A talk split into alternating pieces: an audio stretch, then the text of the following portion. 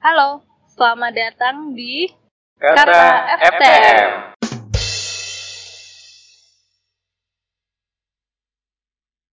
Assalamualaikum warahmatullahi wabarakatuh. Shalom. Salam sejahtera bagi kita semua. Om Swastiastu, Namo Buddhaya, dan salam kebajikan. Selamat pagi, selamat siang, selamat sore, ataupun selamat malam kepada seluruh pendengar setiap podcast Sobat FTM. Apa kabar? Semoga baik-baik saja ya.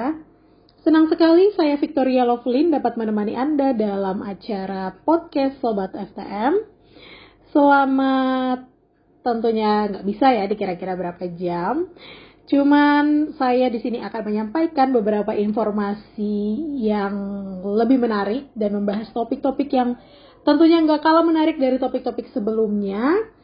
So, sebelum saya lebih lanjut membahas tentang topik kali ini, saya akan tetap mengingatkan kepada semua teman-teman yang lagi beraktivitas di luar rumah atau yang lagi tidak yang lagi tidak beraktivitas di luar rumah atau yang lagi di rumah aja tentunya harus tetap menjaga kesehatan sesuai protokol kesehatan yang ada. Kalau yang lagi di yang beraktivitas di luar rumah tetap menjaga jarak atau social distancing dan juga don't forget to bring your mask and hand sanitizer of course itu benar-benar yang paling penting ya. Terus yang di rumah juga tetap jaga kesehatannya meskipun di rumah harus tetap produktif di masa-masa pandemi seperti ini dan jangan lupa mengonsumsi sayur ataupun buah dan juga jangan lupa minum air putih yang banyak.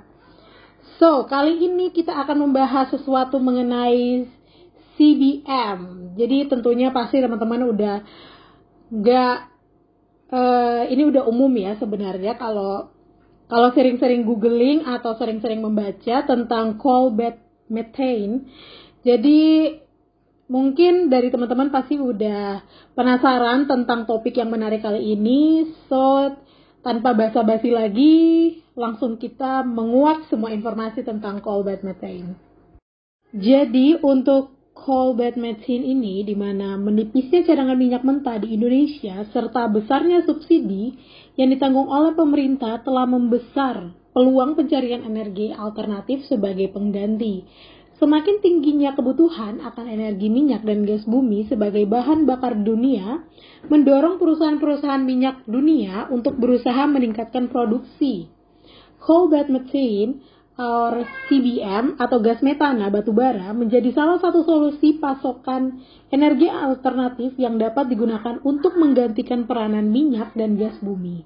Terlebih lagi, jumlah sumber daya untuk reservoir CBM yang tersebar di Indonesia sangat besar dan prospeknya untuk dikembangkan secara ekonomis.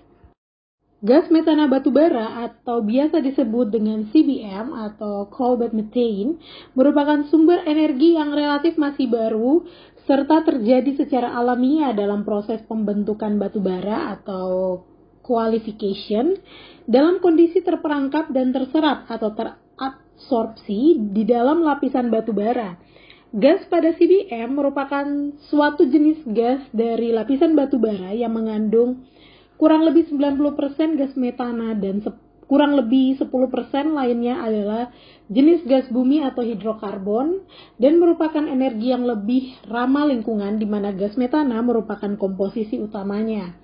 So, bagi teman-teman yang belum tahu mengenai coal bed methane dan apa itu CBM, ternyata CBM ini dia itu prosesnya terjadi secara alamiah, di mana proses uh, pembentukan batu bara atau qualification ternyata itu dalam kondisi terperangkap ya guys dan terserap atau bahasanya adalah terabsorpsi di dalam lapisan batu bara guys.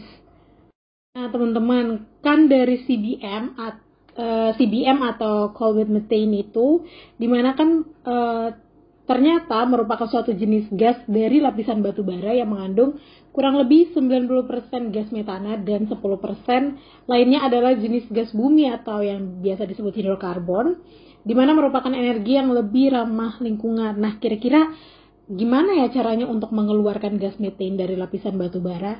Ternyata untuk mengeluarkan gas metan uh, atau metana dari lapisan batu bara itu terlebih dahulu uh, kandungan air tersebut harus dikeluarkan dengan cara dipompa, dipompa keluar Sebelum dibuang, air limbah pada coal bed methane ini harus terlebih dahulu dideterminasi dengan cara melewati uh, melewati beberapa proses kimiawi. Hal ini untuk mencegah terjadinya pencemaran lingkungan. Jumlah kandungan CBM dalam lapisan batu bara sangat terkandu, terka, tergantung, maaf, tergantung pada kedalaman dan kualitas batu baranya. E, semakin dalam lapisan batu bara terbenam dari permukaan tanah, semakin tinggi nilai energi dari batu bara tersebut. Dan semakin banyak pula kandungan CBM di dalamnya, Secara umum, lapisan batu bara bisa menyimpan gas metin sebesar 6-7 kali lebih banyak daripada jenis batuan lain atau pada volume yang sama, yang sering ditemukan sebagai reservoir gas.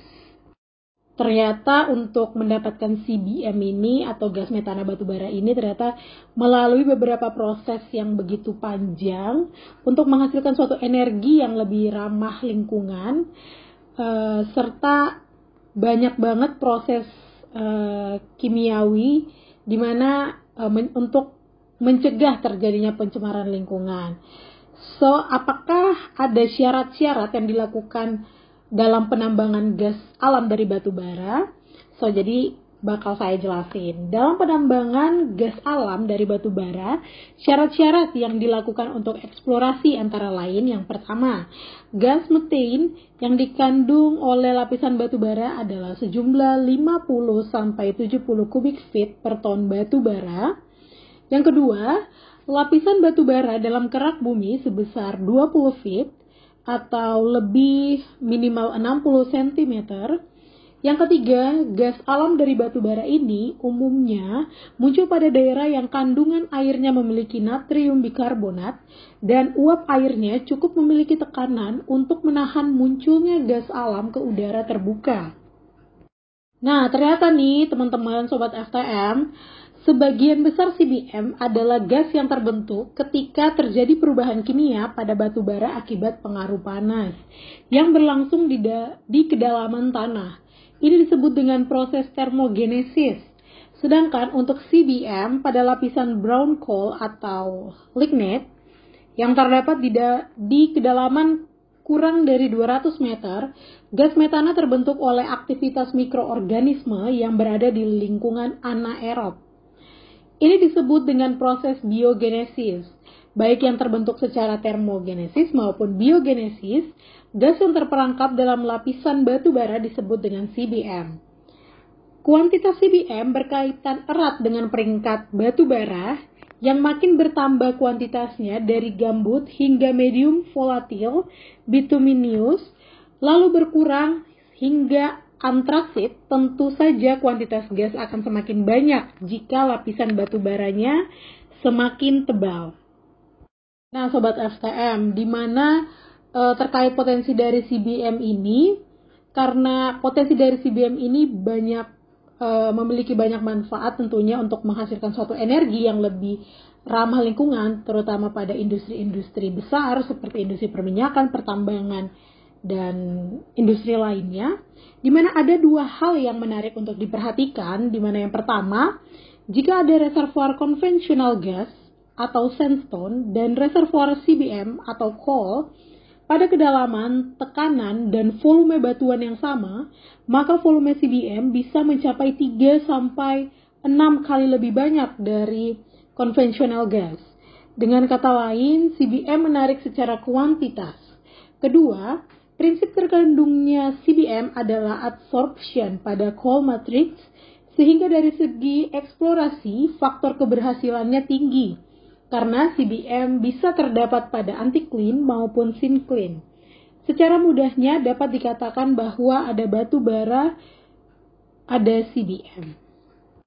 Nah, sebagai informasi, informasi tambahan, di mana di Indonesia sendiri proyek pengembangan gas alam dari batu bara ini sudah mulai dilakukan di Provinsi Sumatera Selatan, tepatnya di wilayah Tanjung Enim, di dekat penambangan batu bara PT Bukit Asam.